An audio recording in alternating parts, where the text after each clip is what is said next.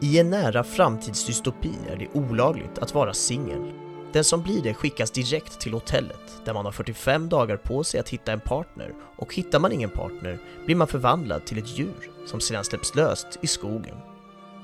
Denna absurda komedi är skriven av Yorgos Lanthimos och Ethymis Philippou och det är även Yorgos Lanthimos som står för regin. I rollerna ser vi bland andra Colin Farrell, Rachel Weisz, Jessica Barden, Olivia Colman, John C. Reilly, Ben Whishaw och Lea Seydoux.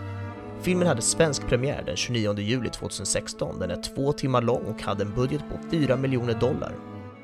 Idag ska vi prata om The Lobster. As far back as I can remember, I always wanted to be a gangster. The first rule of Fight Club is you do not talk about Fight Club. Did you eat all this acid? That's right. Music! What is real? How do you define real? Du är en leksak! More people than you think, and more people each day. This is a world getting progressively worse. Can we not agree on that? Det finns bara ett ord för sådana som du. Och det är ondska. English, motherfucker! Do you speak it? I am the danger. Get away from her, you bitch! Are you not entertained? Are you not entertained? Why so serious? Hallå allihopa och välkomna till ett nytt avsnitt av Spoiler Alerts med mig Joel Keskitalo och med mig så har jag Benjamin Gabrielsson. Och eh, vi ska snacka om The Lobster, eller innan det så kanske vi ska säga att vi är på avsnitt 32 idag. Snyggt! Ja, Du var nära på att glömma. ja jag var ju där, men jag rättade till det i slutet där. Helt rätt. Eh, men så avsnitt 32, The Lobster från 2015 som du har valt, så du kan väl Ja. gå in på hur det blev den här. Ja men det var egentligen den enkla anledningen att det här är en film som har legat i min watchlist ganska länge och det är ju så att jag har ju lite koll på den här regissören sen innan, Yorgos Lathimos, som jag eh, tycker är väldigt, väldigt spännande dude som gör mycket konstiga och bra saker. Så att då kände jag att det här är en av dem med honom som, eller från honom, av honom, som, som jag gärna vill se. Så att det blev en sån helt enkelt. Ja, han är ju konstig. Han har en konstig stil och han är lite out there med sitt sätt att få ihop saker på. Men eh, så ja, spontana tankar. Ska jag ta den först eller? Kör hårt, jag, jag hör ju att du är på väg, det är väldigt Ja, spännande. Vad, vad, vad landar det i? Nej men... Eller, eh, det behöver du inte komma fram till nu, men spontant. Ja, spontant så, alltså den, den är ju väldigt... Eh, vad ska man säga egentligen? Den är väldigt innovativ, den är väldigt kreativ, den är väldigt eh, spännande. Men den är väldigt disturbing. Eh, vad har vi på disturbing? Ja, det har vi pratat om många gånger. Det finns ju inget riktigt bra översättningsord för Nej. det, men det är väl någonting i linje med störande eller bara obehagligt eller upprörande. Mm. Det är liksom åt det hållet på något sätt. Besvärande är också en Besvärande, det, är bra, här, det, ja. det är någonting som inte riktigt stämmer när man tittar på den. Mm. Jag hade en fascinerande upplevelse för nu under tiden jag tittar på den, då tänkte jag så här, hmm, och det här är sant, det här kommer låta som en efterkonstruktion, men jag lovar dig att det här är sant. Att det här är en film om The Favourite och eh, The Killing of a Sacred Deer skulle ha en unge, tänkte jag. Varför skrattar du så mycket nu? För att det var jätteroligt sagt jag har Ja. inte tänkt på det på det här sättet. Men det är klockrent, och bara för att förtydliga då att det är ju då Yorgos Lathimos, regissör och, och manusförfattare här, det är han som har gjort alla de tre. Mm. Alla de att det tre! är- Det får jag reda på sen när jag googlar vem fan som har gjort den här filmen, för jag, jag inser ju där Vadå? Det är där du menar efterkonstruktionen, alltså att du Ja. sa den grejen till dig själv utan att veta att han har gjort allihopa? Exakt, för grejen var det att Oj, jag, oj, jag, oj, jag oj. kände den här disturbing-känslan som vi hade känt efter att vi såg The Killing of a Sacred Deer, att what the fuck, det är Ja. någonting som är out of place här. Och sen såg jag att Colin Farrell var med, han hade samma, eller Mm. liknande, inte riktigt samma roll, men liknande så disturbing roll som sagt. Och sen såg jag att det var jättemånga skådespelare från The Favourite som var med Ja. också, eller jättemånga var det inte, men det var tror jag två, tre några stycken i alla stycken, fall. ja exakt. Ja, och då, då blev det för mig som bara, ah, och det, samma sak där, så här, eh, vad, vad säger man, berättarstilen i den här filmen påminner mig också mycket om The Favourite. Ja. Så jag drog de kopplingarna och tänkte, ja, ah, där har vi deras barn här då, då. Men sen efter när jag kollade som sagt, wow, shit det är ju verkligen, nu är det ju inte så direkt, men att det är samma regissör ändå, så jag var, jag var Ja. mer rätt ute än vad jag faktiskt själv trodde att jag var under, under tittandet.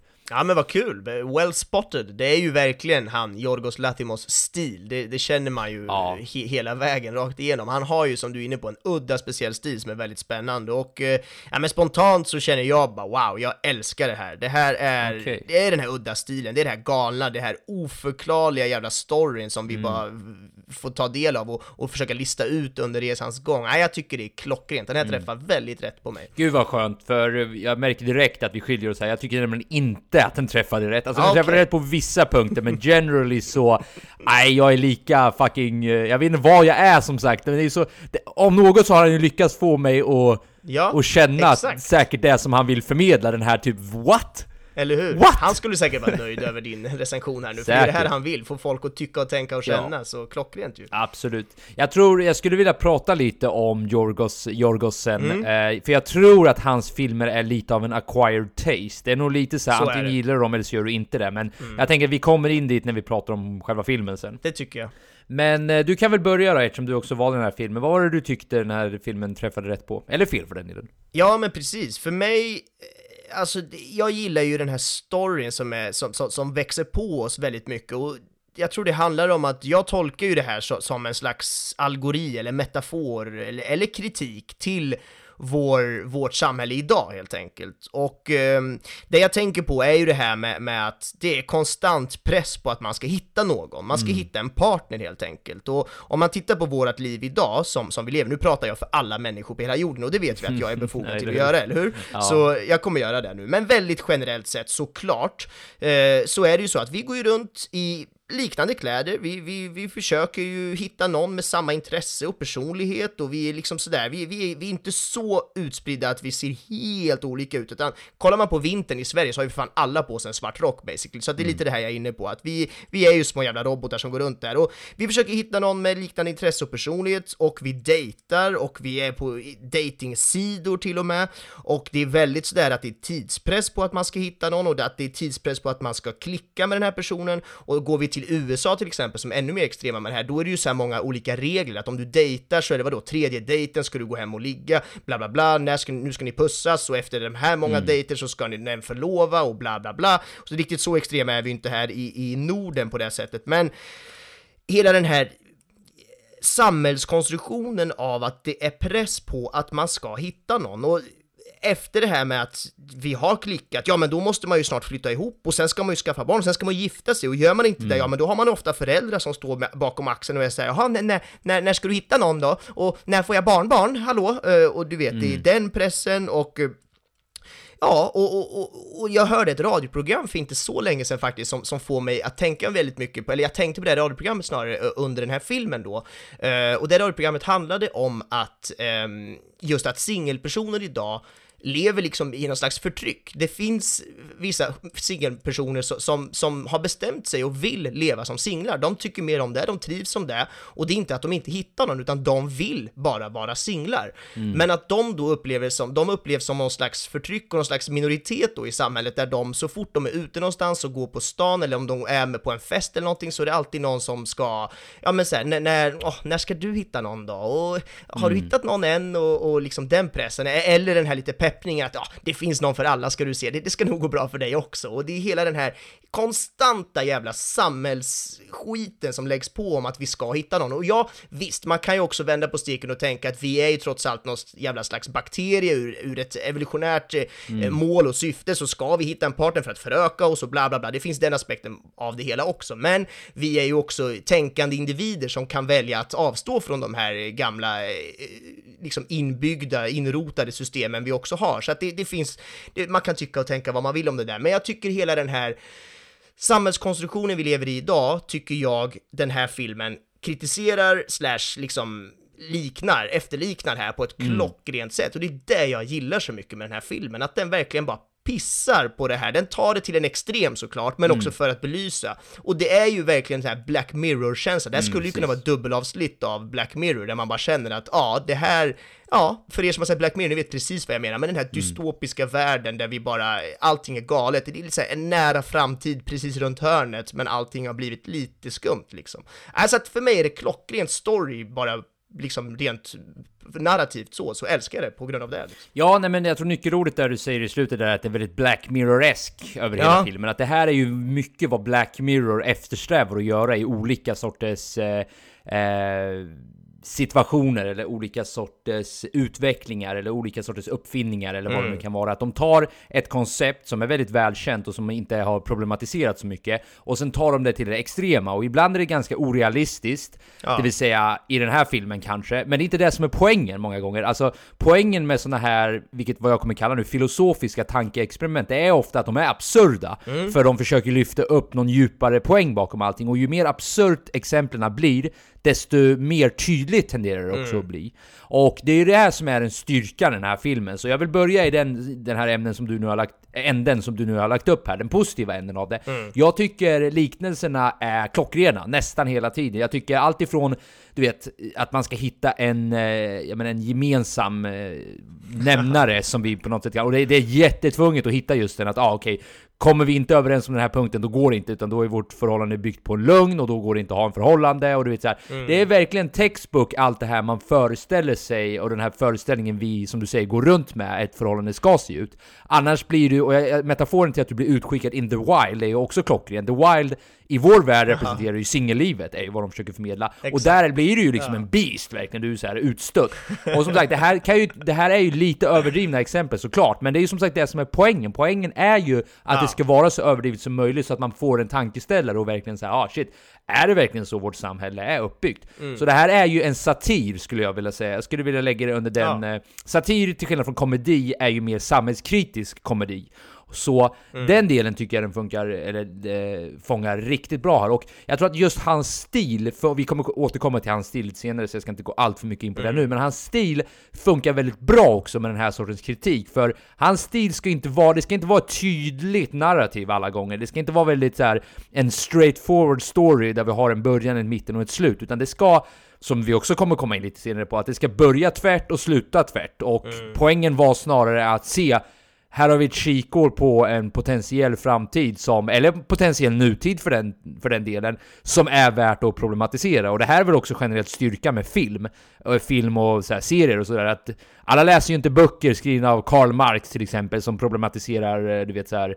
Eh, Ja men eh, proletariatet, borgesin och hela idén om att eh, kapitalismen driver människor till depression och allt sådär. Men folk tittar gärna på ett Black Mirror-avsnitt om samma skeende. Så det får man verkligen ge honom, att han, han använder ju filmens styrka här för att förmedla mer eller mindre viktiga budskap om vår samtid och vår potentiella framtida. Så jag är helt ombord med dig att eh, Just som sagt, just att det är han som gör de här filmerna också. Och jag ska vara helt, jag har ju, jag vet inte hur många av, av hans filmer du har sett, men jag har sett tre stycken nu. Men jag tycker att hans stil verkligen funkar jättebra till just den här sortens filmer. Så eh, det här var ett långt sätt att säga I agree with you.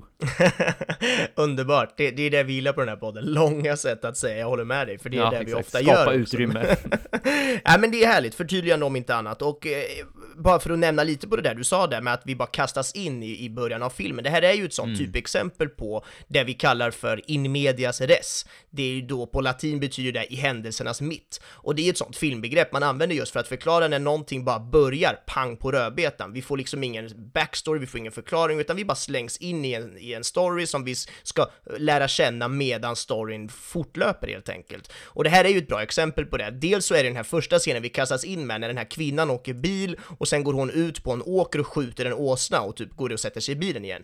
Det är fakta. Där fattar vi ju ingenting verkligen. Men det där kommer vi ju förstå långt senare i filmen vad det ens handlar om. Att hon troligtvis kanske skjuter någon gammal familjemedlem eller någon annan person, I don't know. Det, det, det spelar inte så stor roll, men det är det är en stark öppning som inte förklaras utan som bara är där. Och sen då för att fortsätta med det här in medias res-tänket, alltså att, vi, att i händelsernas mitt, att vi bara kastas in, så är ju scenen efter där, då är vi ju första gången vi får se Colin Farrell, är det så han heter så jag inte säger fel nu?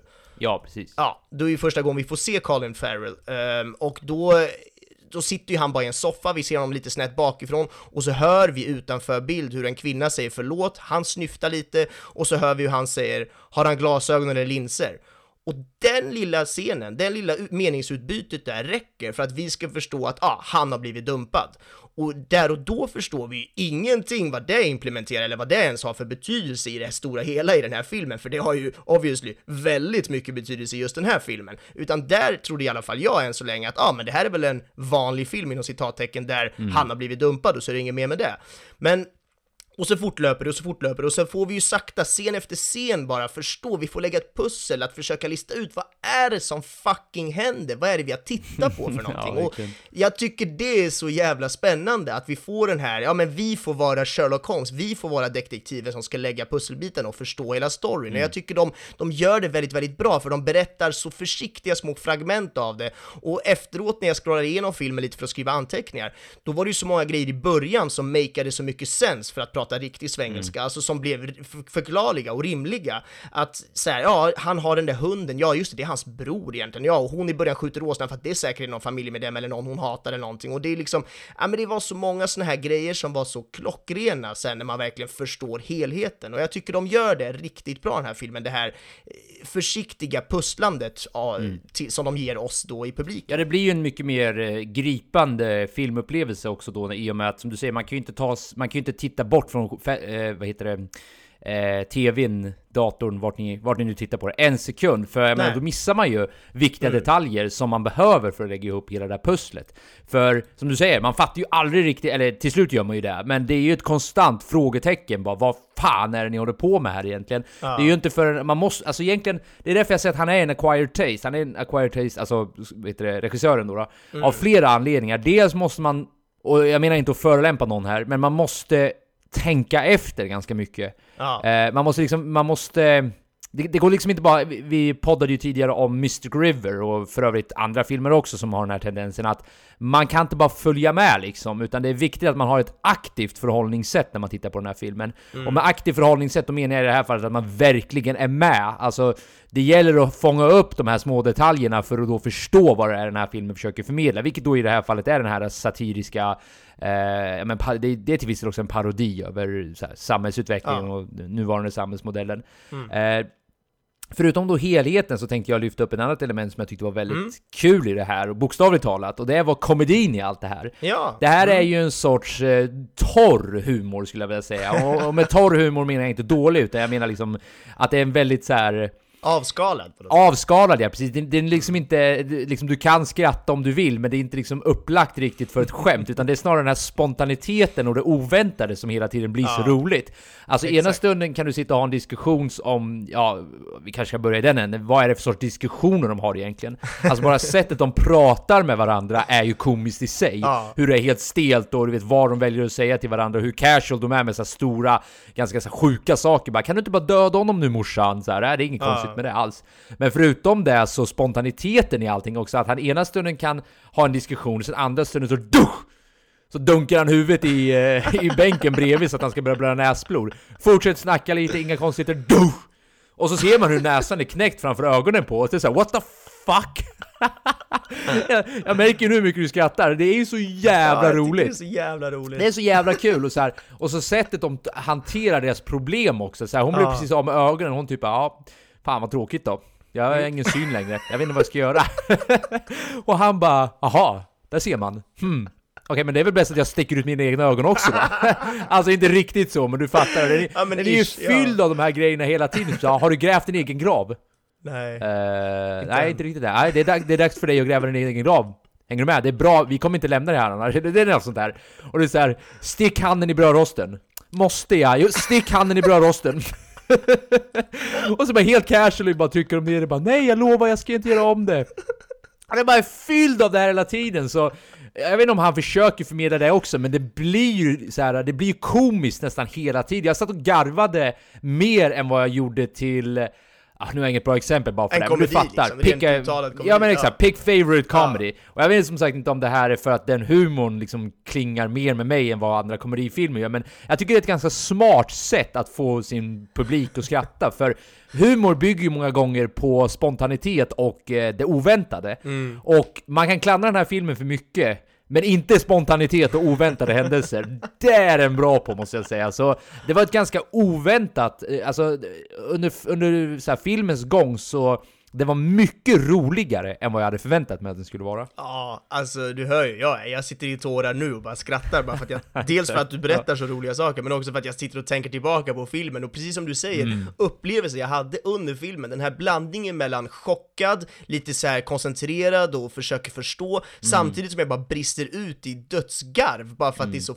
fucking konstiga grejer som händer. Nej, men det, är Mm. en, det, är, det är någon slags underbar mix av känslor som jag sällan upplever när jag kollar på film, att den får in alla de här elementen tillsammans. Där, precis som du är inne på, Mm. humorn har en ganska väldigt smal och om vi ska kalla det torr som du sa, liksom subtil eh, ingångssätt, eller subtilt sätt att berätta humor på, men det blir ändå Mm. väldigt, väldigt slagkraftigt och roligt. I alla fall som du är inne på för dig och mig, det kan hända att vi Mm. just råkar gilla den här humorn, I don't know, vi får väl prata om andra människor, Ja, men den påminner mig lite om, eh, förlåt att jag avbröt det här, Ja, men det, det påminner mig lite om humorn i eh, Isle of Dogs. Ja, just det. Eh, Isle of Dogs och Fantastic Mr Fox, jag vet inte om du han har sett den? Ja, jag har sett båda. Mm. Ja, du har sett båda. Eh, den har också den här ganska, ja men casual, ganska lågmälda, ganska så här, du vet, spontana bara... Careless aha, på något sätt. Careless, ja, precis. Det, det är inte riktigt i den graden det är i den här filmen, men jag fick samma, samma så här chuckle humor, eller ibland så skrattar jag rakt ut, men samma sorts så här, det är inte uppenbart att det här ska vara humor, men Nej. genom att det inte är uppenbart så blir det humor på något jävla Exakt. sätt. Ja. Ett annat exempel jag hade i den här filmen var att jag, en, alltså jag skrattade åt min egen reaktion.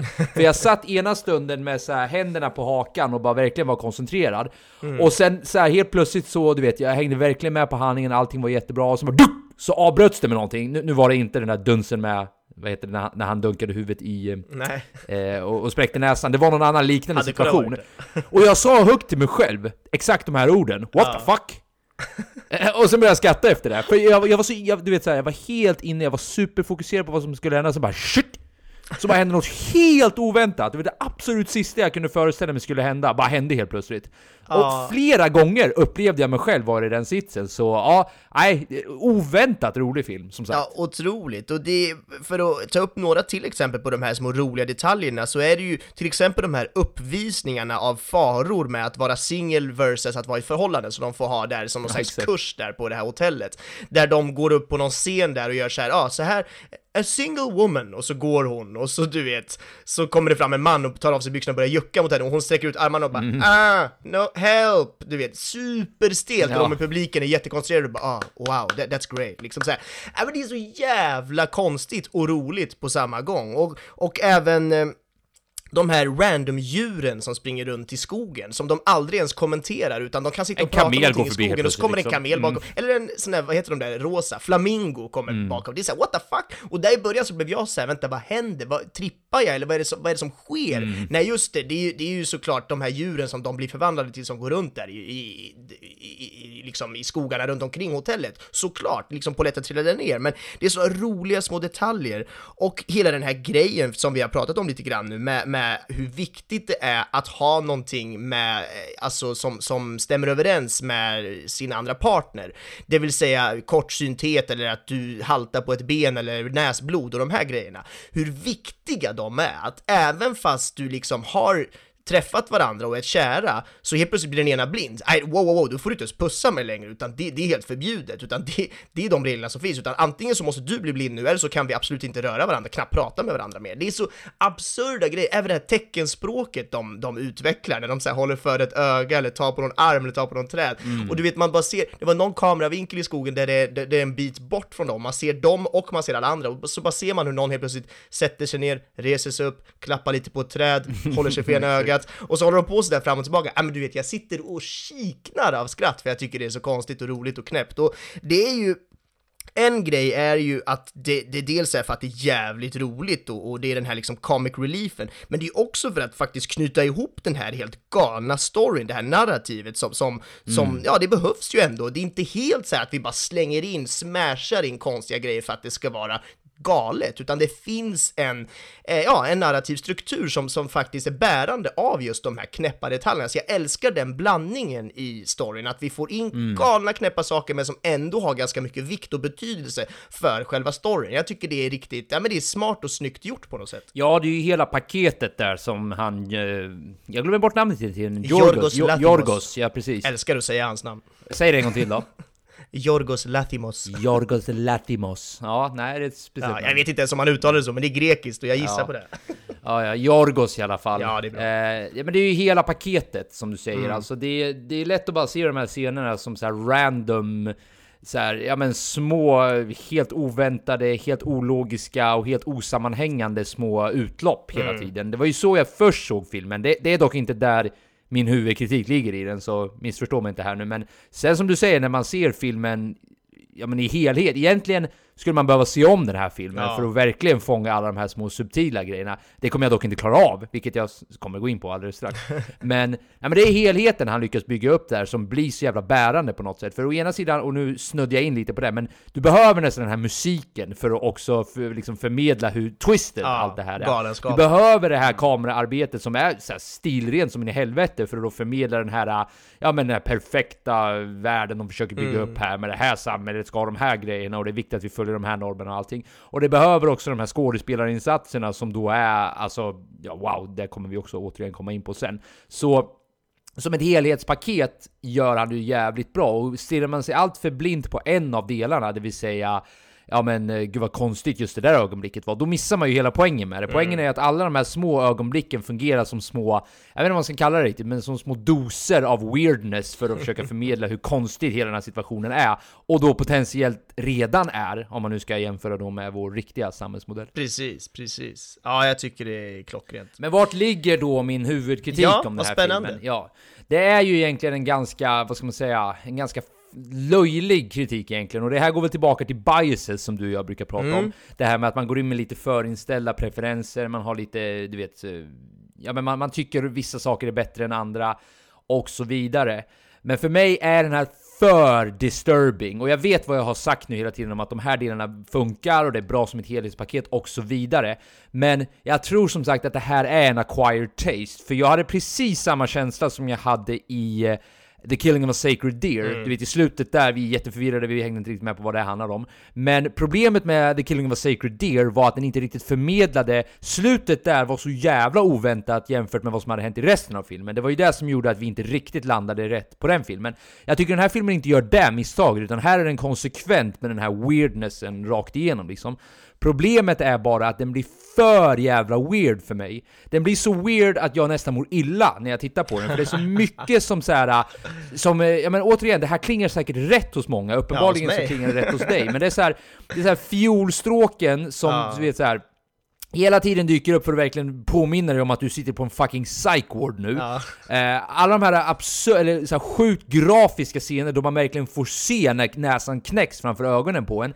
Allt det här tar mig ur det här, de här intressanta tankeexperimenten de hela tiden jobbar på. Jag tycker att det, det, alltså allting tycker jag håller, rent storymässigt, rent så här vad det är de försöker förmedla, jag tycker till och med att det är jävligt nice. Men skillnaden med till exempel en Black Mirror, eller ett, ett eller två Black Mirror-avsnitt, är att den också håller en ton som jag trivs väldigt bra i. De är ju ofta säga. Supermörka rakt igenom. Exakt, de är väldigt mörka och väldigt så här. de, de är ju för det första inte lika roliga. Eh, vilket då är, som sagt, jag tycker det är en av styrkorna i den här filmen. Men nej, till slut så blir jag bara mätt på det, hänger du med? Jag blir, jag blir typ utmattad Mm. över att det är så jävla weird. Och jag vet att det här inte är en speciellt djup analys, att vadå Joel tycker att den känns weird, typ. Men jag kan liksom inte komma bort från den upplevelsen när jag sitter och tittar på den, att det, det, det trycks ner för mycket i mig så att, det, så att jag ska gå därifrån med en, med en em, enjoyable experience. Och det säger jag trots att alla de här grejerna klickar väldigt bra. Så det är liksom inget djupare kritik riktigt mot själva filmen och hur den är gjord. Det är bara att jag själv... Ja, men jag, jag, jag, jag, kan inte sätta ord på det riktigt, annat än det jag nyss har sagt. Att den går helt enkelt inte riktigt hem för mig, och du kanske kan hjälpa mig att bana ut varför. Men börja med... Hur tycker du om allt det här jag har sagt nu? Den här känslan du har när du tittar på filmen? Jag gissar ju redan på att din är den motsatta, men låt mig föra dina, dina ord ändå. Ja, nej men det, du är helt inne på det, eh, alltså att min är typ det motsatta, för att jag känner, jag förstår ju verkligen hur du menar och hur du tänker, och för mig är det ju, ja men närmare motsatsen kanske då, att jag, jag liksom njuter desto mer galet och, och vad är ordet nu igen som du brukar säga? Disturbing, eller? disturbing, hur mycket disturbing det är och hur mycket liksom galet och knäppt och humorn och, och så här storyn som jag knappt fattar men börjar fatta och du vet så här, jag, jag njuter av allt det här helhetspaketet och att det då är Ja men verkligen helhetspaketet med allt det tekniska också, det kommer vi in på, men hur många bitar det är som jag tycker funkar så klockrent ihop och hur de lyckas få mig att vara så intresserad, nyfiken och skrattandes samtidigt som det är liksom fett disturbing och obehagligt och bara så här en, en sjuk kanske då, som jag vill se det, kritik mot vår, vårt, vårt samhälle vi lever i idag. Så att för mig är det här ett av de bästa Black Mirror-avsnitten om vi ska fortsätta referera till det, bara det att vi kryddar på det med en galen humor dessutom.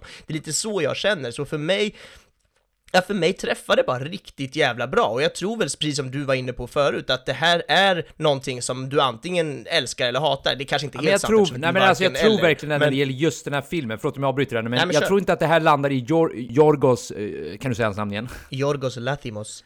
Jag tror inte att det var någon djupare kritik mot hans eh, liksom, eh, directing generellt, för jag gillar ju The Favourite väldigt Ja, mycket. Mm. Avsnitt eh, 14 eh, poddade vi om den. Eh, där tyckte jag att allt det här vi har pratat om nu samklingade väldigt bra, men jag tror mycket där hade att göra med att det var en verklighetstrogen story. Alltså det där var ju säkert, det där var ju saker som hade hänt mer Ja. eller mindre.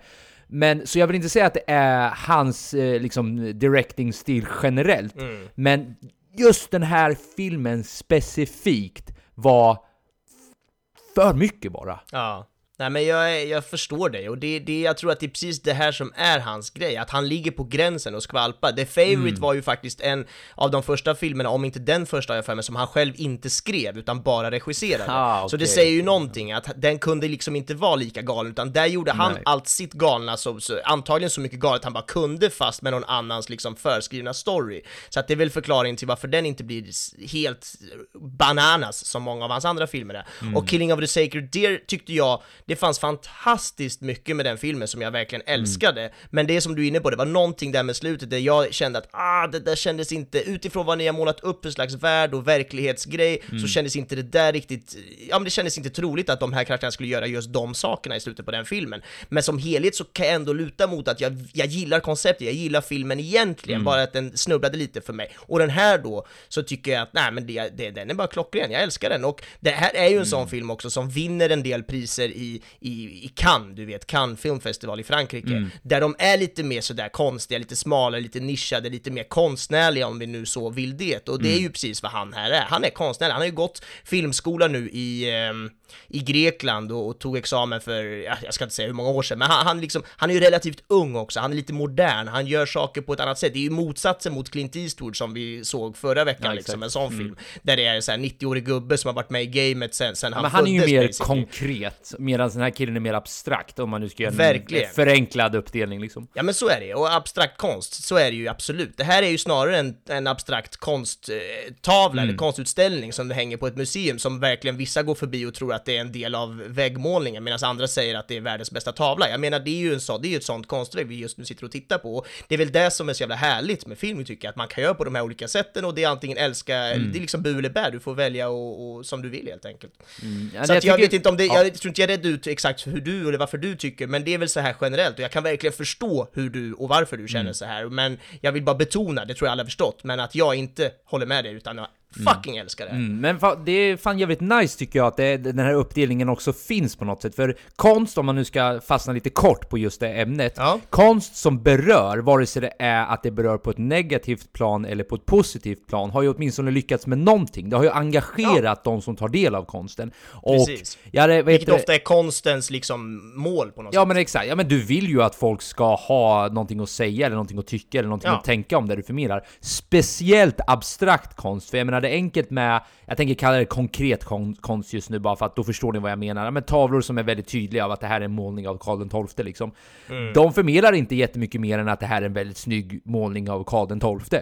Medan abstrakt Mm. konst med sina jävla streck överallt kan vara så här, du vet, okej det här kan förmedla någonting väldigt djupt. Och de som då ser det här och engagerar sig för det här, de älskar det ju, de tycker ju det här är fantastiskt. Medan de som här, bara känner avsmak för det och tycker att det här är bara massa streck på en, jävla, på en vit jävla målning, de tycker det är värdelöst. Men i båda fallen så har ju folk blivit väldigt engagerade, även om det som sagt kan vara, det kan ju bli hatiskt då i och med att vi lever i en värld av så här, folk jag vet Ja. fan, there's a lot of hate in this world. Men Tyvärr. bara för att förmedla den här poängen också tycker jag att jag, jag, jag sneglade lite på reviews efter det här, som jag numera har börjat göra efter filmer, för jag tycker det är Mm. Vad nice att se spännande. lite så allmänna uppdelningar om vad folk tycker. Ja, jag har inte kollat, så berätta Nej, ja, men det här är ju precis som vi har, vi har beskrivit, att eh, nu har inte jag... En vattendelare. Eh, Exakt, jag har ju inte läst alla Mm. tusentals reviews såklart, men ju mer jag har scrollat desto mer har jag sett det här, att de går från å ena sidan 8 till 10, att de älskar den här filmen, den är så fantastisk, det är ett konstverk, till du vet 1 till 3, att det här är, Ja. den är dishonest, den är boring, den är painful, du vet den är, ja den är värdelös helt enkelt från deras perspektiv. Ja. Och jag tror som sagt att den landar i just den här känslan folk har när man ser det här. Att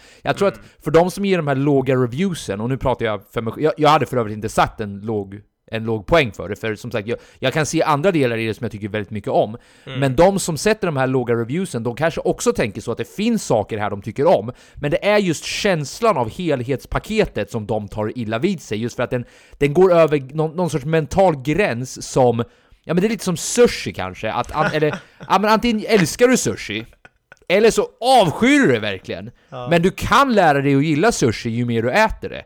Det, det kan vara en liten sån del av det här, att ju mer du ser den här sortens film, desto mer förstår du poängen med det och desto mer så gillar du det. Och jag tror ju att du har sett fler såna här filmer än vad jag har gjort genom åren, så där kan du ju förklara skillnaden lite. Men jag står fast vid att, så här, avvaktat allt jag har sett, så kunde jag inte riktigt gilla den så mycket som jag önskade att jag gillade den. Nej, Nej men härligt, väldigt bra förklarat också. Jag tror nu har vi alla förstått exakt hur vi kan ha så olika åsikter, vi som, Mm. vi, just vi två också brukar ha ganska liknande åsikter. Men vad fint ändå att vi kan ha det, och som, som Mm. vi är inne på, härligt med film som kan få en att tycka och tänka så här mycket överlag, det är underbart. Mm.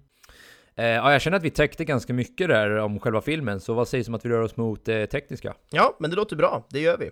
Mm, men shoot då, har, du- vad har vi på den här? Ja, ehm, den här filmen är filmad digitalt med en Arri Alexa XT och vi har ju pratat om Arri Alexor förut, vi har pratat om Arri-kameror överlag och vi pratade ju för några avsnitt om eh, Arris eh, gamla flaggskepp, den här Aricam som var deras analoga flaggskepp. Och det här då, Alexan, är ju deras mer moderna flaggskepp där det är ja, en svinbra, dyr och fin digital kamera som, som väldigt många produktioner använder idag. Och det finns ju den här Alexa Minin som är en mindre modell som är väldigt populär i, på svenska produktioner bland annat för att det kostar mycket mindre, den är smidigare att ha med sig och ja, de gör riktigt jävla bra kameror i alla fall. Och de ville egentligen jag läste en intervju här med, med fotografen och regissören eh, inför den här podden då och de ville egentligen filma analogt med film.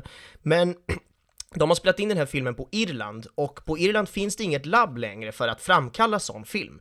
Eh, så det blev helt enkelt väldigt ja, omständigt att jobba med film då helt enkelt. Och sen i sista sekunden då när de bestämde sig för att filma digitalt så kom de ju på att ah, det är ju väldigt skönt också att kunna se varje dags jobb på en skärm bara för att se, fick vi med de där scenerna vi behövde? Fick, blev det bra med den där eh, repliken de satte där, eller den, ja, vad det nu än är. Så att det var en sån liksom rent praktisk skäl också att fan, det är skönt att bara kunna ha den här kontrollen som man ändå får med det digitala på det här sättet.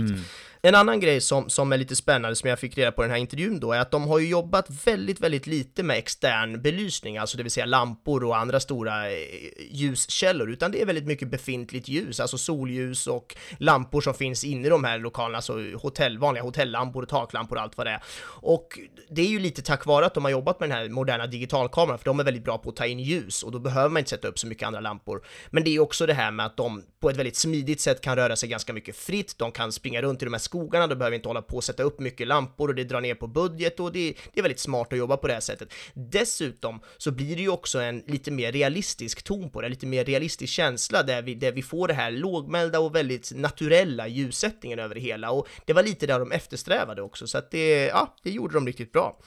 Och även fast manuset inte är speciellt realistiskt överhuvudtaget såklart, så ville de ändå försöka ha den här lite realistiska tonen och dessutom så är ju allting inspelat på riktiga platser, det vill säga i riktig skog där ute och även på något riktigt spa tror jag det är de är på istället för det här som ska, som ska vara det här Någon hotellet. resort-liknande. Exakt, precis. Och de har spelat in allting på riktiga locations, alltså det vill säga inte i några studios och så, också för att förmedla den här lite mer realistiska tonen på det hela och eh, Mm, jag menar att vi är ett annat samhälle helt enkelt. Att Precis. det här är liksom framtiden framtidens potentiella samhälle, eller då nutida som sagt. Exakt, och att det inte ska kännas som att det här är uppbyggt, det här är liksom en stor kuliss eller en studio eller en stor Hollywoodproduktion, utan det ska kännas lite mer lågmält och lite mer nära inpå. Kanske lite mer åt det dokumentära hållet. Jag brukar slänga mig med det här uttrycket då och då, att det ska kännas lite dokumentärt. Här är det ju verkligen inte en sån dokumentär känsla på det sättet, men det är ändå lite mer åt det här hållet istället för att man är i någon stor studio någonstans där det känns väldigt filmiskt. Ja men om man kollar på det tekniska i alla fall. Ja, exakt. Och en liten jämförelse där. Vi pratade ju förra veckan om eh, filmen Mystic River,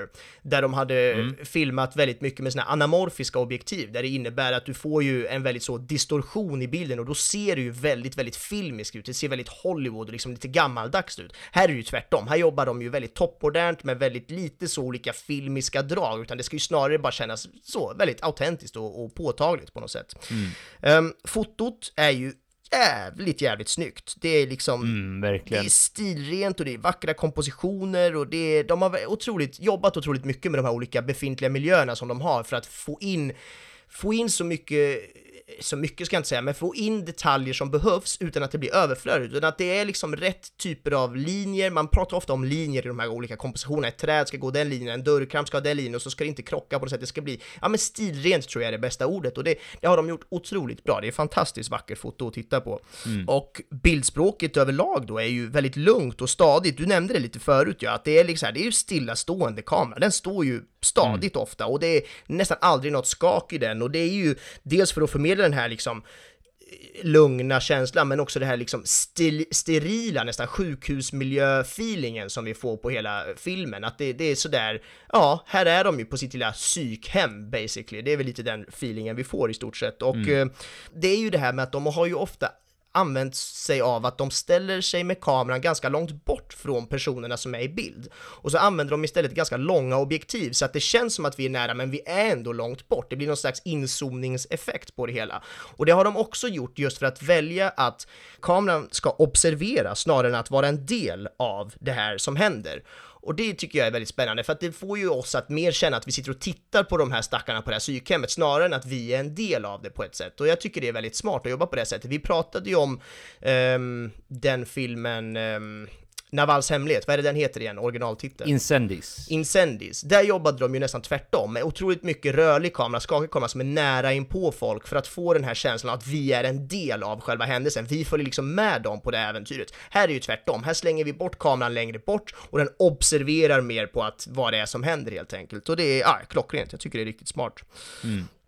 Sen har vi ju även, man kan väl kort nämna det, men vi har ju de här olika slow motion scenerna som är lite spännande, så de trycker in ganska mycket och det känns väldigt så Yorgos Latimos-stilen, att han gärna vill ha det och det finns... Ja, vi hade ju en del sådana i eh, The Favourite också. Ja, eller att hur? jag avbröt nu, men jag, jag tänkte väldigt mycket på det när jag såg den här filmen, och det var lite som då jag drog kopplingen också, förutom då skådespelarna de har varit, att det är den känslan också, det är lite där humorn dyker upp i också, Ja. när det blir sådana här slow motion shots, liksom, när han går långsamt fram och vet, man får se när de andra långsamt vänder på huvudena, man kanske till och med hör hur någon bara What is happening? Exakt. Det blir ju kul på något sätt när de liksom bakar in det. Ja men verkligen, och det är ju dels det här med att det får någon slags rolig, liten så rolig touch, men det är också det här att det blir, eh, ja men nästan som någon slags tid för oss att kontemplera, fundera, vad är det vi har sett, vad, är det vi, vad är det vi tar del av? Det blir någon slags andrum Var i allt på det här galna. Precis, vad är det för jävla ställe vi är på? Det kan ibland vara ganska skönt att ha sådana små breaks då tillsammans med den här klassiska musiken som kommer in. Vi kan väl glida över på den, du nämnde det också förut, men det är ju verkligen klassisk musik. Den är ju speciell. Den är ju, det är ju klassisk musik ja, och det är sån här, är det fi- fiolstråk som man hör hela tiden i bakgrunden? Blandat med vissa pianonoter, Ja, jag tror hur är det? oftast är det väl fiolstråkar, men det skulle väl Ja, kunna vara någon cello hit och dit och så vidare, men stråkar överlag liksom, ja. Ja, precis. Och det, det är ju just de här fiolstråkarna jag har ett problem med, tror jag. Okej. de gör, men återigen, vi, vi, vi ska inte gå så mycket mer in på det, vi har redan pratat om hur det här skiljer sig mellan oss två och så vidare, men det är ju de framförallt som, på musiksidan åtminstone, förmedlar den här känslan av disturbing som vi så många gånger Ja. har nämnt nu. Ja men exakt, och det är ju precis som du säger, de här stråkarna är någon slags symfoniorkester som ligger på och drar och det är väl typ såhär Beethovens, jag tror någon låt är en Beethoven-låt bland annat, komponerad av honom. Låt, jag tror Mm. Beethoven och låt tror jag många så här konnässörer hade ryggat tillbaka, jag tror inte man använder låt. Ja, det- det är inte väl en slags stycke nej. eller någonting snarare, men skitsamma, you get my point my, my fellow eh, kamrater. Ja, vi, vi har nog inte jättemånga Beethoven så här, analytiker här i vår, i vår följarbas. Nej, så, om vi har det så ber vi om ursäkt för att vi inte har koll på Beethovens olika Jag symfonier. om inte annat. Ja, exakt. Nej men verkligen, så att det är ju den stilen och som du säger, det är den här galenskapen. Det är ju väldigt mycket de här, ja, ni kommer höra det nu i bakgrunden medan vi pratar här, men de här hårda som kommer in liksom verkligen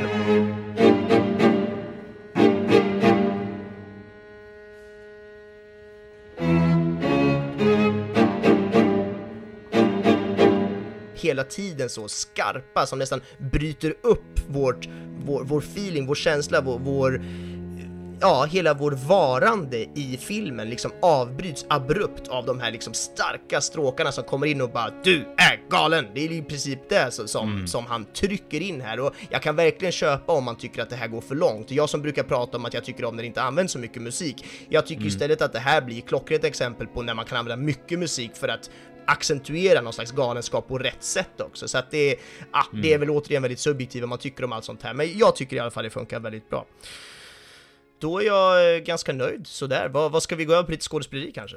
Ja, men det kan vi väl göra. Eh, jag har nämligen en spaning jag skulle vilja lyfta just på den generella skådespelarinsatsen. Och då menar jag inte ens bara skådespelarna, utan jag menar också den här berättarrösten i bakgrunden. Att jag tycker att de lyckas med någonting som är väldigt fascinerande. Och jag har i mitt huvud valt att kalla det för anti-acting. Oh. Eh, och, eh, eller hur? Oh! Ja, se vilken revolutionerande jävla begrepp jag kommer på här. Nej men det jag menar med det är att Vanligtvis när man tänker på bra skådespeleri, eller åtminstone när jag tänker på bra skådespeleri, det är när de är väldigt så expressiva, när de, är- när de kan förmedla väldigt starka känslor, väldigt trovärdiga prestationer och du vet, ja men vi pratade ju som sagt förra veckan om Mystic River och lyfte upp Sean Penns eh, prestationer där. Det är ju motsatsen till de prestationerna vi ser i den här Ja, filmen. Här är det exakt. ju väldigt monotont, det är väldigt så här iskallt, det är väldigt så här sakligt, rationellt, väldigt så här Ja, men avskalat. Avskalat, precis. Och det är därför jag väljer att kalla det för anti-acting, för jag känner på mig att det går lite emot vad acting-skolor, och återigen, du har ju mer koll på hur acting funkar än vad jag har, men for the sake of the point I'm trying to make, so just bear with me here. Det jag menar är som sagt att här måste de snarare anstränga sig för att inte acta speciellt mycket. Förstår du vad jag menar? Här måste Ja, de ja, snarare, precis. här blir ju actingen att hålla tillbaka snarare, och att hela tiden försöka behålla den här monotona, väldigt avskalade prestationen. Jag tycker ett bra exempel på det är när Colin, eh, jag tror man säger Pharrell för övrigt och inte okej. Farrell, för det är Ja, två. R och det är två L. Det Jag många på som det satt och skrek när jag sa det förut. Eller hur, visst var det det? Men jag vet inte, men just hur namnet är bokstaverat så tror jag det är Pharrell. Mm. Eh, men då när han, när han har fått sin hund ihjälsparkad och han vill gråta, där tycker jag symboliserar, och du vet han, han håller igen tårarna och du vet, ja. Ja, sen, sen visar det sig att han, han, han gråter lite och då spricker ju alltihop. där tycker jag är det bästa exemplet på anti-acting, för en actor där hade ju gått gråtvägen så att säga och bara brutit ihop och vi hade blivit helt förkrossade. Åh, kolla vilken stark scen, han är helt förtvivlad och så vidare. Men en anti-actor där håller ju inne det, trots att man förväntar sig att den här releasen ska komma, att shit, hans bror har ju fucking dött. Och det här är ju rakt igenom hela filmen. Hon som är narrator har ju samma monotona röst Jag vet du hela vem jag tiden. tror att det är också? Jag tror Jag att det är Rachel också... Weisz, Exakt, jag Ja. tror också... Visst är det hon som är med i, eh, vad heter det, the favorite. Ja. Ja exakt, det var, för det var hon jag, det lät som henne också Mm. tyckte jag. Eh, så det, det är det vad jag menar med anti-acting. Eh, vad, vad tycker du om den spaningen? Ja men eh, klockrent, eh, jag tycker eh, begreppet var väldigt roligt, anti-acting. Ja, visst är det. Och, ja, det, det, det passar ju väldigt bra här, för det är precis som du säger, eh, de skådespelar så lite som möjligt egentligen. Och jag, jag läste, eh, eller jag hörde snarare, det var ett klipp med, med Colin Farrell då, eller vad säger vi? Ja men vi säger det nu, ja, jag, jag säger Colin bara, så blir det enklast okej för mig då. Ehm, när jag hörde en intervju med Colin där han sa det just, att när, när det är ett sånt här, han har jobbat med, med Jorgos Latimos förut nu, och Mm, ja, det har ju. det, när han, i och för sig kanske den här var före de andra, skitsamma, han har jobbat med honom eller inte, men han har, i alla fall inför den här filmen, så har han ju då läst manuset och känner att det här manuset är så pass galet, det är så pass knäppt, att han behöver liksom inte göra någonting. Manuset talar för sig själv, utan han har Mm. ju har med det flit gått in och gjort det här, precis som du är inne på, att göra så lite som Ja. möjligt. Han bara läser sina repliker, och det är klart att han gör någonting ibland, men i det stora hela så gör han så lite som möjligt, just för Mm. att det trycks så mycket i det de säger, eller det de gör, så att det räcker ofta. Ja, för är det inte den här filmen så är det här dåligt skådespeleri. Det är ju fruktansvärt dåligt skådespeleri. Alltså, missförstå, eller förstå mig rätt här nu, om, om man ser det här som en vanlig film, eh, inom citationstecken då. Ja men alltså nej, det är ju ingen acting här, utan det är som du säger, de läser ju bara upp deras lines, och där blir Ja. ju som sagt på något sätt actingen. Så på det sättet är det ju bra acting, och, och du vet, många gånger i, i vissa situationer får man ju se att de verkligen uttrycker sig, men många gånger är det ju som sagt att de håller ju snarare tillbaka, och liksom måste nästan anstränga sig för att hålla tillbaka. Mm. Och jag tyckte det här var ett jävligt bra exempel som du lyfte upp här nu, att han inte ens behöver acta, utan han kan bara, ja jag, jag läser bara det här innan till så blir det på något sätt, eh, vad heter det, actingen i den här filmen. Ja, ja men absolut. Du hade en synpunkt på det? Ja, men jag är med på vad du säger, men jag skulle inte vilja säga att det, är, att det här är kanske helt motsats till vad man gör, för om man egentligen tittar på de allra bästa skådespelarna så gör de Mm. ofta ganska lite.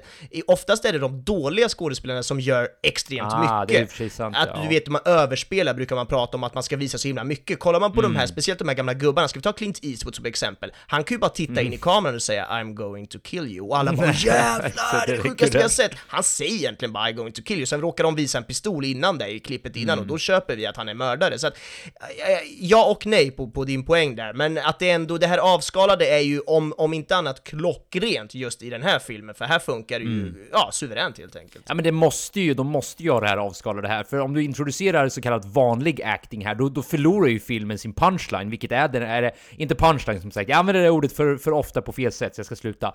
Men den, här- den här filmen som försöker förmedla den här konstiga världen, då hade det ju snarare, man hade ju The spell would have been broken om någon helt plötsligt hade börjat betett sig normalt. Det kräver ju att samtliga beter sig så här nu, och det är därför jag jag vill egentligen summera upp allas skådespelarinsatser som det är, och om det inte har fram, framgått här nu hu- hur jag menar, så menar jag det som en bra grej. Jag tycker det är, ett, Ja, ja. det är väldigt häftigt att de har lyckats med det här, just för att det här är ju inte vad man är van vid när det kommer till skådespelarinsatser. Så här var ju inte ens The Favourite, ärligt talat. Det, den hade tendenser av det här lite skumma, lite lågmälda, lite avskalade. Men det, det hade inte riktigt samma feelingar, för det, var, det var, här är ju alla ombord på det här. Vi är ju liksom i en, i en värld av den här attityden. Så det, då får man ju snarare ge props till eh, ja, men manusförfattarna, antar jag, som liksom lyckades Ja, skriva så Yorgos. klockrena... Ja, exakt, Jorgos. Det, det, det är ju så vad där det landar. Men, får jag också lyfta fram... Nu ska se om jag kan uttala namnet här. Lea Sador. Var det ett bra Det försök? där eller? är faktiskt enklare än vad man tror. Det är Lea? Seydoux, tror jag bara man säger. Sador, okej, okej, okej. Eh, Du ser, apropå att försöka för mycket. Exakt. Eh, hon var ju en av huvudrollsinnehavarna i Blue is the warmest color. Ja, snyggt! Jag tänkte eh, fråga dig om du kopplade ja. den, men det gjorde du. Exakt, ja, men jag kunde, jag, jag blev nästan tårögd bara jag såg Ja. henne i den här filmen, bara för att jag har så starka minnen från... Kommer du ihåg den här linen hon säger till eh, sin eh, älskarinna då i slutet? Nej, berätta. Ja, det kanske jag inte ska säga nu förresten, för då blir det ju en spoiler i Aha, den här filmen. så den jag, säger det off, jag säger det off record sen till Ja, dig. tack. Men Blue is the warmest color är en liten shoutout till er som, eh, till er som lyssnar, att det är en, det är en film som också är speciell på sitt sätt, mer realistisk, men sjukt värd film att se. Ja, så shoutout till henne, hon var väldigt bra i den här filmen också. Som sagt, som, som alla var på det sättet. liksom. Ja, exakt, och det finns ju så många man skulle kunna lyfta. Jag tänkte, tänkte du på att eh, Olivia Colman är ju med, det är hon som är hotellägarinnan eller vad hon är, hotellbossen, det är ju hon som är drottningen i The Favourite. Ja, det tänkte jag också Eh, på. Det var det, det är ja, därför jag sa att- förut det här med att eh, fan, det här påminner om The Favourite och det här påminner om, uh, vad heter det, Killing a Sacred Deer, för det var ju henne jag Ja. såg bland annat då, att ja, just det, shit, hon är ju med där också. Ja men exakt, och Colin Farrell då som är med i Mm. Killing a Sacred, så att det är ju, han, han gillar ju att jobba med de här personerna och det märks ju att de, de gör ett jävligt bra jobb, de har en bra kemi tillsammans och de, de vet ju också, antar jag, de här skådisarna hur, hur knäpp nu, hur vi nu vill uttrycka det, hur galen han nu är, Jorgos, och de vet liksom vad de ger sig in på, att det, är- det är den här stilen vi kör och, nej men det är underbart, jag Mm. tycker Den enda som du som säger, fattades- fantastiskt jobb. Den enda som fattades var ju Emma Watson, ärligt talat. Hon hade faktiskt Emma Stone. jävligt bra. Emma Stone menar jag, förlåt. Ja. Vem är Emma Watson? Emma Watson är ju Hermione Granger. Det är Hermione, ja precis. My bad. Eh, Emma hade varit kul Stone. att se också. Ja, det hade varit kul. Men, men jag tror Emma Stone hade funkat väldigt bra. Det men det är ju bara för att, Ja. det är ju bara för att vi har sett The Favourite och vi tyckte att det funkade bra där, förvisso. Ja. Men in hindsight så, jag tror hon hade funkat jävligt bra i den här filmen också. Så är det. Känner vi oss nöjda där Men på slutord då? Ja, vi kan Mm. dra ett litet slutord och favoritscen då. Så, eh, ja men, eh, väldigt dystopisk, väldigt Black Mirror-esk och en väldigt så här, eh, ändå så här, träffsäker, tycker jag åtminstone, eh, satir slash kritik på samtid och då potentiell framtid. Sjukt rolig film, mycket roligare film än jag trodde det skulle vara. Men för mig landade den fel i och med att den var för weird, disturbing och allt det där, den där ranten vi hade förut. Så Ja. där landar jag. Ja men kul, jag, jag har ju gjort mig själv tydlig redan tror jag. Jag älskar den här filmen. Jag, jag är väl den snubben som går och kollar på de där konstiga sträckiga tavlorna på ett museum också. Jag är väl det, så att det är absolut. Jag, jag tycker det är spännande. Jag tycker det är kul med saker som utmanar normen, som utmanar det vi är vana med, och som dessutom får in den här härliga samhällssatiren och nej, jag tycker det är fucking brilliant. Jag älskar det. Mm, Har du någon eh, favoritscen du vill lyfta upp då? Ja men nästan inte höll jag på att säga, jag Eller har hur? ju såklart Det var Ja men det var så jävla svårt! Det är typ det svåraste någonsin, eller? Ja men typ, eftersom det, hela filmen håller ju, återigen, den håller ju samma ton hela tiden, Ja. så vad kan man välja mellan som sticker ut liksom? Allting Allting är ju ut. liksom same shit. Ja, det var Mm. riktigt svårt det, allting har ju det, varenda liksom, inte varenda, men väldigt många scener har det där lilla extra som jag känner shit, den där skulle jag kunna välja, åh den där skulle jag kunna välja, men okej då, för att ändå välja någonting så kommer jag tråkigt nog nu, och det är för att jag ofta går in på det här tekniska, men i det här fallet är det för att jag har svårt att välja av alla de andra, så därför safear jag mig lite och går till någonting lite mer tekniskt, och det är den här scenen absolut öppningsscenen i början med hon kvinnan i bilen som skjuter åsnan. Jag tycker den är så häftig bara för att den är så snygg, kameran är så liksom placerad bredvid henne, vi följer henne när hon kör och sen så stannar hon bilen så tiltar kameran, eller förlåt, panorerar kameran bara åt sidan, följer henne ut från bilen och så filmar den genom den här regniga fönsterrutan. Och varje gång de här vindrutetorkarna åker förbi och, och drar över liksom, de drar bort regnet, då blir det lite skarpt igen och sen sakta sakta så blir det ju suddigt igen eftersom det blir mer eh, liksom regn på rutan och sen åker Eh, vindrutetorkarna fram och tar bort regnet så blir det skarpt igen. Jag tycker, ah, det var så estetiskt fucking tilltalande, plus att scenen var ju mörk och konstig och, och weird, så att, ah, men jag, jag, jag landar i den ändå, trots allt. Trots allt ja, ja, alltså jag, egentligen samma, det är så svårt. Mm. Verkligen svårt för mig att hitta en bra scen här, men jag väljer att gå åt det komiska hållet och det jag tyckte var en av de roligaste scenerna. Och Ja, det är egentligen inte en hel scen, utan det är väl bara en detalj, och det är ju den där detaljen när det går förbi en kamel i bakgrunden. alltså, det är så jävla out of place. Jag kommer ihåg att jag tänkte när jag såg filmen bara, det är klart! det är klart. Det är klart som fan det ska gå för, förbi en kamel liksom i bakgrunden. Varför skulle du inte göra det i den här filmen? Som att, som att, jag, som att jag inte har sett nog craziness, Ja. så ska det dessutom vara en kamel i en fucking Norrlandsskog. Exakt. Mer eller mindre. Men det var ju det också Så, äh, jag tyckte var så roligt att för, först så tänkte jag vad fan är en flamingo? Vad är det som händer? Mm. Men sen får man ju den här, okej just det, det, där, det finns ju ändå i det här konstiga narrativet har målat Ja. upp så är det ju ändå realistiskt inom enorma citattecken. Mm. då. Så, så det, det finns ju en poäng, det är inte bara galet, även om det är supergalet liksom. Nej nej nej, absolut, absolut. Jag håller ju med dig om att, eh, vad heter det, det var ju inte konstigt på det sättet. Det var, det var bara så här. Det är ändå sjukt Jaha, konstigt. ja, det är ändå sjukt att det går en kamel. Det, det var så jävla out of place, fast som sagt, egentligen inte storymässigt, men just vad, Ja. vad man här, ser till vardags, tänkte jag säga. Det är inte så att jag ser kameler ofta till vardags, men, Nej men det tvärtom, är ju inte det jag förväntar vardags, mig. du ser alltså inte Ja, en men kamel, s- därför blir det ju till vardags. Ja, lite så. Jag förväntar mig ju inte att det ska gå förbi en kamel i Varbergaskogen när jag springer runt. Det är ju det sista som dyker upp där. Nej men så bara för att den var lite roligare så väljer jag den. Men jag tyckte också, om jag bara får lyfta upp en till Ja. när, det, kommer till komedi, då var det när jag nämnde när han dunkar huvudet i bänken. Ja. bara för att fejka att han blöder näsblod för att kunna få en partner. Det, det var också så jävla oväntat och så plötsligt att, eh, ja, det, var väldigt kul det också. Ja, verkligen. Och jag, en till då, bara för att vi håller på. Den här, när hon, den här eh, jobbiga tjejen som ingen tycker om, som hoppar ut genom fönstret på sin första våning. Ja, just det. När hon sig ligger typ. där på marken, liksom blodet rinner och hon lever fortfarande och ligger och skriker. Och de andra Mm. två bara, vad är det som har hänt? Jag vet inte, jag vill gå nu. Alltså det där, hela den ser så jävla absurt bara, och därför också väldigt roligt och galet. Känns inte det också, och vi ska inte snöa in allt för mycket på det här nu, men känns inte det väldigt svenskt också? Är inte det typ en kritik mot en svensk attityd när någon behöver hjälp? Alla typ så här äh, sneglar lite på sig och bara Ska Just jag det. behöva hjälpa här? Eller vadå, eh, finns det någon annan? Har någon ringt Någon slags polisen? jantelag-grej, Ja men precis, ingen vill sticka, ingen vill ta initiativ, alla bara går och tittar på varandra lite awkward så här. Ja ja, någon får väl ta initiativet och så gör någon det till slut så här. Ja, efter att alla har stått och filmat en stund Ja och precis. så. typ låter den förblöda. Nej Ja. men okej, har, har vi några roliga, vad heter det, roliga, roliga fakta om den här filmen då?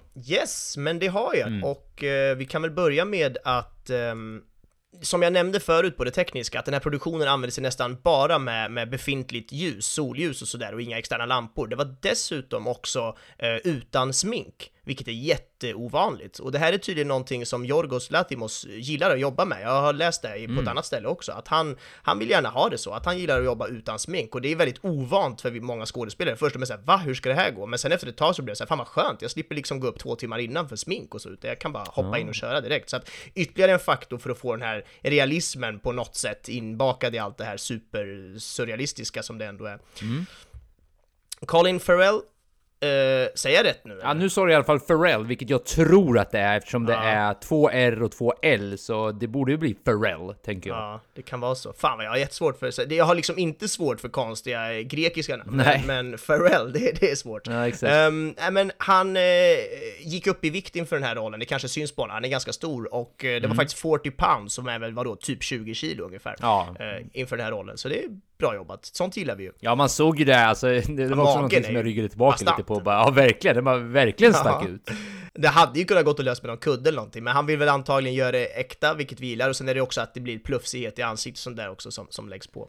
Tänk att varje gång jag tänker på folk som gör såna här, äh, du vet, riktiga fysiska ansträngningar, då tänker jag vet. alltid på Christian Bale. Ja, det är ju så. Alltid. Men han är väl någon slags eh, pionjär ska jag inte säga, han är väl någon slags gudfader inom det. Ja, men Nej, också faktiskt. fel. Nej, men, han men jag förstår vad du är ute det efter. kanske? Ja, det är han ju verkligen. Shoutout till uh, The Machinist, The Machinist, Machinist vad det nu. Ja, och det roliga med honom, eh, intressant är ju att han liksom, det är ju varannan film typ med bara liksom några månader mellan exakt. produktionerna. Så att han Hörni. ena sekunden väger han 20 kilo, andra sekunden väger han 200 kilo. Jag överdriver nu, men ni förstår vad jag menar. Det är Ja. så enorma viktpendlingar på så kort tid också. Kära lyssnare, sök på, googla Christian Bale weight loss så kommer Ja, du se det Benji menar. De bilderna är sjuka alltså.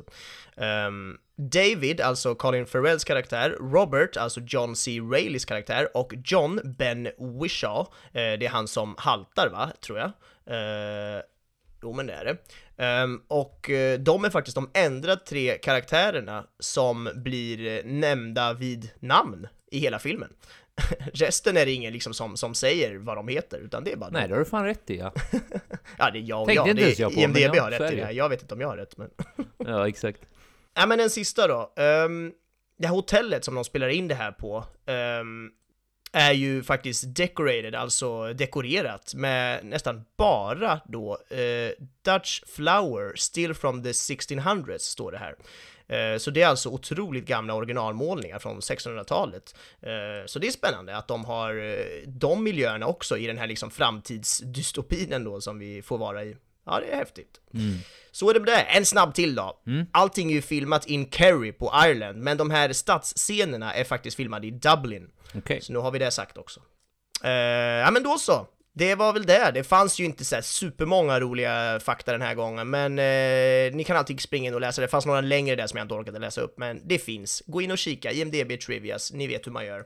Men då så Joel, Ja, och eh, nu vanligtvis så brukar vi berätta vilken nästa film kommer bli. Ja. Och eh, det är nämligen så att eh, vi kommer ta ett sommarbreak efter det här avsnittet. Och... Åh Eh, nej, vilken jävla ja, skitpodd som tar förstår. break över sommaren, jag kommer sluta lyssna på er. Uh, ja, men gör det då. Nej jag skojar, snälla gör inte det. Jo, Snälla, gör det. Vi vill ändå inte ha några lyssnare, så det är lugnt.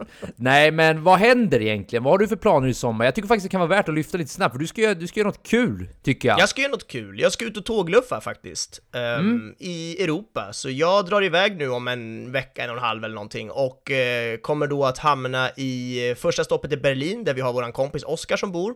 Sen eh, stannar jag där några Oscar. dagar, shoutout till Oskar, tror inte han lyssnar. Men och sen så drar vi ner eh, några dagar på en festival i Tyskland och sen så drar jag vidare till Paris, möter upp mina kusiner och drar på en festival med dem. Och sen så har jag inte bokat dem mer, utan vi får se vad som händer. Jag har ett sånt där interrail-kort, ett tågluffarkort som gör att jag kan åka liksom basically vart jag vill sen. Så att eh, vi får se, dörrarna är öppna och jag kommer vara borta i minst en månad. Så det är väl därför framförallt som den här podden tar en paus. Men du ska också göra någonting Joel, vad ska du göra? Ja, jag ska ju inte riktigt lika flamboyant resa som du gör, tänkte jag säga. men, ja, nej, men det där lät så jävla extremt. Kul för dig dock. Vi får ju hoppas att du överlever så att den här podden fortle fortleder.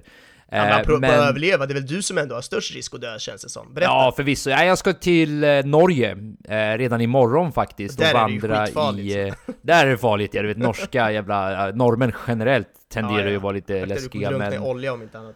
Ja, lite så. Nej, men vi ska upp till Jotunheimen som det heter. Mm. Det är någon bergskedja där uppe vid, eh, ja, det är så här 80 mil från Örebro där vi sitter och poddar nu. Så det är inte så farligt långt bort heller, men det är ändå så här, det är ändå sjukt vackra miljöer sägs det. Jag har faktiskt, eh, du vet, angående så här förväntningar och sånt vi brukar prata om i en filmkontext, så har jag försökt att undvika att se bilder på Jotunheimen just för att gå in så blind som möjligt och inte Ja. förvänta mig speciellt mycket. Men Kul. det sägs vara otroliga miljöer där, så en vecka blir jag borta där och sen ska vi också ner till Tyskland så småningom under sommaren. Så det är lite så här små planer eh, titt som tätt, men Ja, du ska också hälsa på Oscar eller? ja, precis. Mm. Eh, oklart när än så länge, men det kommer väl bli eh, någon gång i augusti där. Eh, Men så vi har väl sagt eh, i mitten på augusti siktar vi vara tillbaka och vi kommer ju meddela när det börjar närma sig sen på vår Facebookgrupp. Vi, vi heter Spoiler alert där borta. Men annars så... Ja, där. Det blir ju senast i slutet på augusti siktar vi väl på, eller? Ja, det gör vi absolut. Troligtvis mitten av augusti, kanske början, men troligtvis mitten, slutet där någonstans. Ja, Ja men så ett litet sommarbreak, så eh, vi tackar som fan för att ni har lyssnat och eh, vi finns ju på valfri podcast app, vi finns på Spotify, vi finns på Facebook och... eh, ni får gärna ratea oss på de här apparna, det hjälper oss. Ja. Om ni slänger in fem stjärnor eller fyra eller en eller vad fan ni vill, helst fem då såklart. Men det är skitschysst för det hjälper oss att synas lite bättre, så ratea oss gärna i, i din valfria podcast-app helt enkelt. och med det så får vi önska er andra en jävligt trevlig sommar så hörs vi igen som sagt i mitten och absolut senast eh, slutet på augusti helt enkelt. Så säger vi. Ha det så bra allihopa, hej då! Ha det gött, hej då!